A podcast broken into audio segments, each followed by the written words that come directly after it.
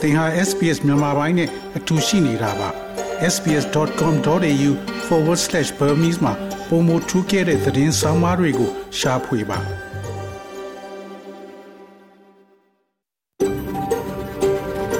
SBS A world of difference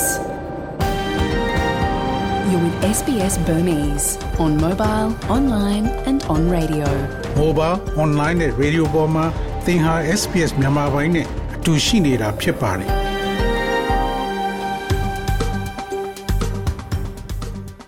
သောရရှိမြချစ်တိမင်္ဂလာဖျားဖျားနဲ့ပြည့်စုံတော်မူကြပါစားခင်ဗျာ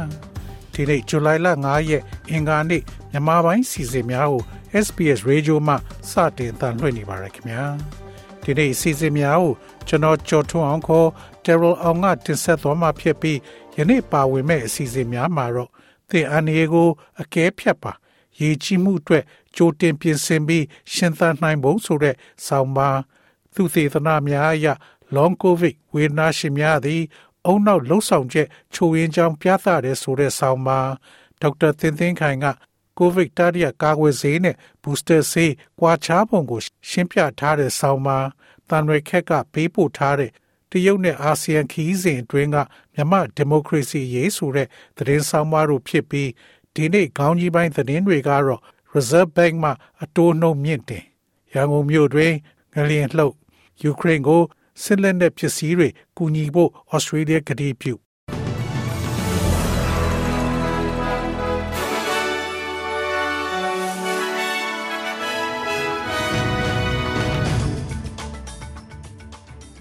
ယခုချိန်ကစပြီးသတင်းများကိုကျွန်တော်ကြော်ထုတ်အောင်ကစတင်ဖတ်ကြားပါတော့မယ်။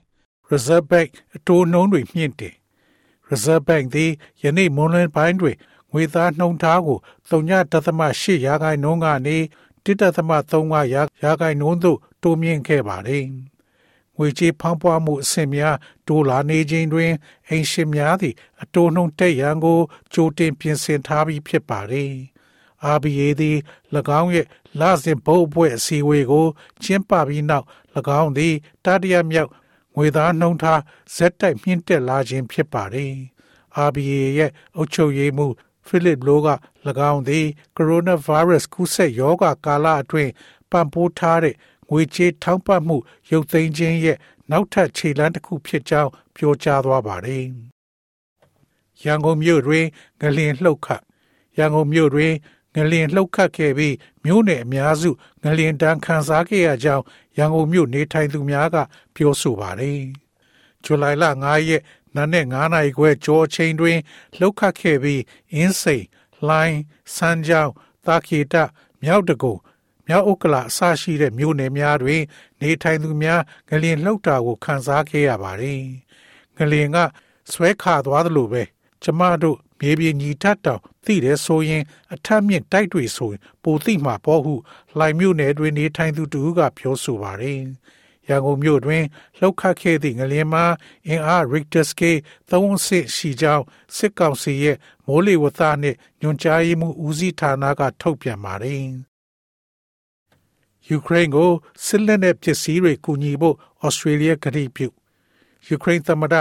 Volodymyr Zelensky ကဩစတြေးလျဝန်ကြီးချုပ် Anthony Albanese ကိုကီယက်မြို့တော်မှာတနင်္ဂနွေနေ့ကလက်ခံတွေ့ဆုံပြီးစစ်လက်နက်ပစ္စည်းအကူအညီရရှိရေးနဲ့ရုရှားအပေါ်နောက်ထပ်ဒဏ်ခတ်ပိတ်ဆို့မှုတွေလုပ်ဖို့ကိစ္စတွေဆွေးနွေးခဲ့တယ်လို့ဆိုပါတယ်။စစ်လက်နက်ပစ္စည်းတွေထပ်မံကူညီသွားမယ်လို့ဩစတြေးလျဝန်ကြီးချုပ်ကပြောဆိုပါတယ်။ ယူကရိန်းဟာရုရှားနဲ့စစ်ခင်းနေရတဲ့အတွက်လက်နက်တွေကတော့ဆက်ပြီးလိုအပ်နေမှာဖြစ်ကြောင်းဒီအတွက်တိုင်းပြည်တစ်ခုတည်းပေါ်မှာသာ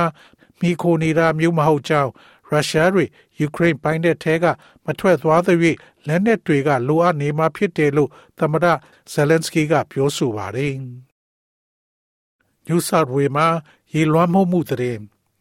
ဆင်နီရှိဒေသန္တရအစိုးရနယ်မြေ23ခုနဲ့ New South Wales ရဲ့ အစိပ်ပိုင်းများအတွက်တဘာဝဘေးရန်ဆိုင်ရာပူးတွဲရန်ပုံငွေအဖြစ်ကြေညာထားပါတယ်။ New South Wales ဝန်ကြီးချုပ် Dominic Perrottet သည်လူတဦးချင်းနဲ့စီးပွားရေးလုပ်ငန်းများအတွက်ငွေပေးချေခြင်းနဲ့ချေးငွေများစွာကို ထုတ်ပေးနိုင်တဲ့တဘာဝဘေးရန်အရေးပေါ်အခြေအနေကိုကြေညာလိုက်ပါတယ်။ပူပေါင်းရန်ပုံငွေဖြင့် Commonwealth ပပြည်내သဘာဝဘေးပြန်လည်ထူထောင်ရေးရန်ပုံငွေအစီအစဉ်များမှအကူအညီပေးမှာဖြစ်ပါတယ်။ ညူဆာဝေပြည်내အရေးပေါ်ဝန်ဆောင်မှုလက်ထောက်ပြည်내တာဝန်မှု Ashley Sullivan ကဝန်ဆောင်မှုများသည့်ညာတွင်ချင်းဖုန်းခေါ်ဆိုမှုထောင်ပေါင်းများစွာကိုတုံ့ပြန်ခဲ့တယ်လို့ဆိုပါတယ်။နေရာရွှေ့ပြောင်းခြင်းလမ်းပိတ်ခြင်းနဲ့ရာသီဥတုသတိပေးချက်ဆိုင်ရာ အချက်လက်များအတွက် SES website စာမျက်နှာသို့ဝင်ရောက်ကြည့်ရှုပါသို့မဟုတ်အရေးပေါ်အခြေအနေတွင်132 939သို့ ဖုန်းခေါ်ဆိုပါသို့မဟုတ်33လုံးကို ဖုန်းခေါ်ပါ SES ရဲ့ website က www.ses.nsw.gov.au ဖြစ်ပါတယ်မြန်မာရုရှားပူတွဲကြီးကြပ်မဲ့အကြမ်းဖက်မှုတိုက်ဖျက်ရေးညီလာခံနယူးဇီလန်မှာတက်ဖို့ဆုံးဖြတ်မြန်မာနဲ့ရုရှားစစ်ဘက်က ပူတွဲဥက္ကဋ္ဌအဖြစ်တာဝန်ယူကျင်းပမဲ့အကြမ်းဖက်မှုတံပြန်ဆောင်ရွက်ရေးအစည်းအဝေးကိုတက်မှာမဟုတ်ဘူးလို့နယူးဇီလန်နိုင်ငံတာဝန်ရှိသူကိုကိုးကားပြီးမြန်မာနောက်သတင်းစာမှာဖော်ပြထားပါတယ်။ဇူလိုင်လ20နဲ့21ရက်မော်စကိုမြို့မှာနှစ်ရက်တာကျင်းပမဲ့အစည်းအဝေးမှာအရှေ့တောင်အာရှနိုင်ငံများအသင်းအာဆီယံအဖွဲ့ဝင်နိုင်ငံကိုယ်စားလှယ်တွေ ADMM plus အာဆီယံကာကွယ်ရေးဝန်ကြီးများအစည်းအဝေးက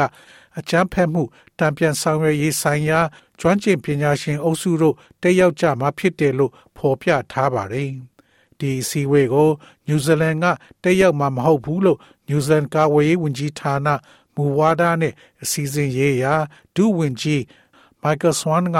မြန်မာနောက်သတင်းဌာနကိုအီးမေးလ်နဲ့ပြန်လည်ဖြေကြားခဲ့တယ်လို့ဖော်ပြထားပါတယ်။အစည်းအဝေးဖိတ်ကြားချက်ပေါ်နယူးဇီလန်နိုင်ငံကသေချာစဉ်းစားခဲ့ကြောင်း အစည်းအဝေးကိုတက်ချင်းအပြင်ရလာမဲ့အချိုးရလာတဲ့ရုရှားနဲ့မြန်မာကသူတို့ရဲ့ဆောင်ရွက်ချက်တွေပေါ်ထောက်ခံသူအဖြစ်ပုံဖော်ခံရတာမျိုးပိုဖြစ်သွားနိုင်တယ်လို့တာဝန်ရှိသူတွေကကောက်ချက်ချခဲ့ကြောင်းလည်းဒုဝန်ကြီးမိုက်ကယ်ဆွမ်ကပြောဆိုပါတယ်။နာဒိုနေစုကမ္ဘာနံပါတ်1တင်းနစ်ကစားသမားဟောင်း Ash Barty သည် Melbourne ၌ကျင်းပသောနေဒိုနေစုပေးပွဲတွင် Indigenous Person of the Year အဖြစ်ရွေးချယ်ခံခဲ့ရပါတယ်။သူမသည် Wimbledon နဲ့ Australian Open တစ်ခုစလုံးကိုစုခုနိုင်ခဲ့ပါတယ်။ဒါက12လကြာပြီးနောက်၎င်းသည် အသက်26နှစ်အရွယ်တွင် အားကစားမှအနားမယူသွားခင်ချိန်ကဖြစ်ပါတယ်။သူမဟာအခုချိန်မှာ American ပြည်ထောင်စုကိုရောက်နေပါတယ်။သူမဖခင်ဖြစ်သူ Robert သည်သူမကိုစား ဆုလက်ခံရယူခဲ့ပြီး၎င်းရဲ့သမီးဖြစ်သူရဲ့ဌာနေတိုင်းသားအမွေအနှစ်သည်ပြီးခဲ့တဲ့နှစ်အတွင်းသူမအတွက်မြင်မြအရေးကြီးကြောင်းပရိသတ်အားပြောဆိုပါတယ်။အထူးသဖြင့်တိုင်းသားတင်းနစ်အကျော်မော်အီဗွန်ဂိုဂလွန်ဂေါ်လီကပံပိုးကူညီမှုများပေးခဲ့တယ်လို့ဆိုပါတယ်။ကြိုတင်အသံသွင်းထားသော လက်ခံမိန်ခွန်းတွင် Ash Party က New South Wales ရှိ Narioma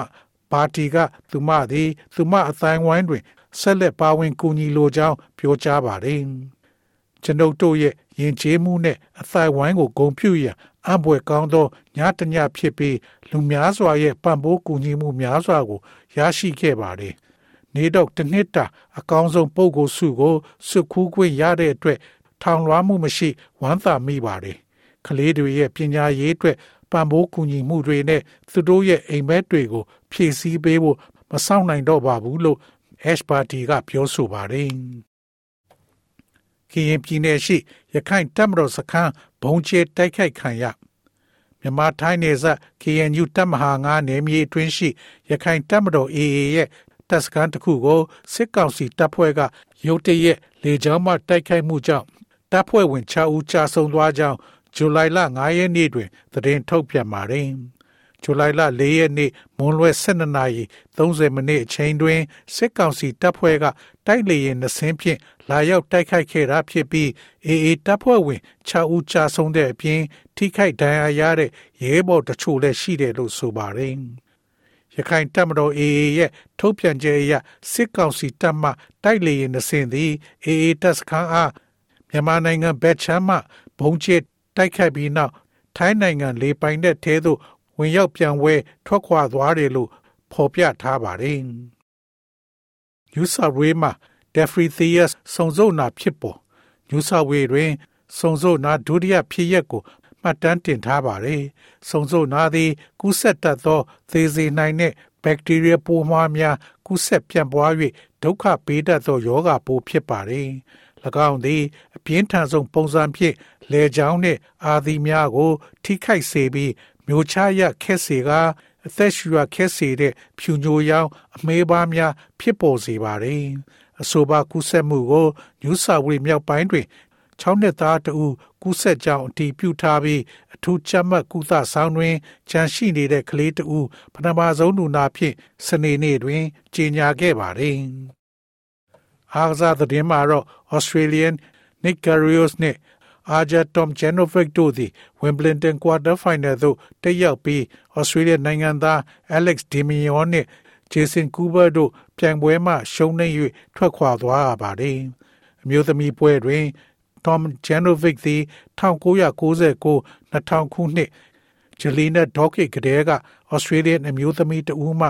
လှုပ်ဆောင်၍မရသေးသော Wimbledon quarter final သို့တက်ရောက်ပြီးသူမရဲ့ဒုတိယမြောက် Wimbledon quarter final သို့တက်ရောက်ခြင်းဖြစ်ပါတယ်။ SBS SBS SBS SBS SBS This is SBS Radio. ငွေလဲနှုန်းမှာတော့ Australian dollar ကိုမြန်မာကျပ်ငွေ1283ကျပ်ရရှိပြီး American dollar ကိုမြန်မာကျပ်ငွေ1853ကျပ်ရရှိပါတယ်။ Australian dollar ဟာ American 68စက်နဲ့ညီမျှပါတယ်။မနေ့ဖြန် Australia တိုက်မှာရှိတဲ့မြို့ကြီးများရဲ့မိုးလေဝသခန့်မှန်းချက်ကတော့စင်ဒီမြို့မှာအပူချိန်18 degree centigrade ရှိမှဖြစ်ပြီးမိုးရွာသွန်းမှာဖြစ်ပါတယ်။ Melbourne မြို့မှာအပူချိန်16 degree centigrade ရှိမှဖြစ်ပြီးနေသားမှာဖြစ်ပါတယ်။ Brisbane မြို့မှာအပူချိန်21 degree centigrade ရှိမှဖြစ်ပြီးမိုးရွာသွန်းနိုင်ပါတယ်။ Perth မြို့မှာအပူချိန်16 degree centigrade ရှိမှဖြစ်ပြီးမိုးတိမ်သားများအနည်းငယ်ရှိမှဖြစ်ပါတယ်။ Adelaide မြို့မှာအပူချိန်14 degree centigrade ရှိမှဖြစ်ပြီးမိုးတိမ်သားများအနည်းငယ်ရှိမှဖြစ်ပါတယ်။ Hobart မြို့မှာအပူချိန်73 degree centigrade ရှိမှဖြစ်ပြီးမိုးတိမ်သားများအနည်းငယ်ရှိမှဖြစ်ပါတယ်။ Canberra မြို့မှာအပူချိန်14 degree centigrade ရှိမှဖြစ်ပြီးမိုးတိမ်သားများရှိမှဖြစ်ပါတယ်။ Darwin မြို့မှာအပူချိန်29 degree centigrade ရှိမှဖြစ်ပြီးနေသားမှာဖြစ်ပါတယ်။ဤတွင်သတင်းများကိုကြီးညာလို့ပြီးပါပြီခင်ဗျာ။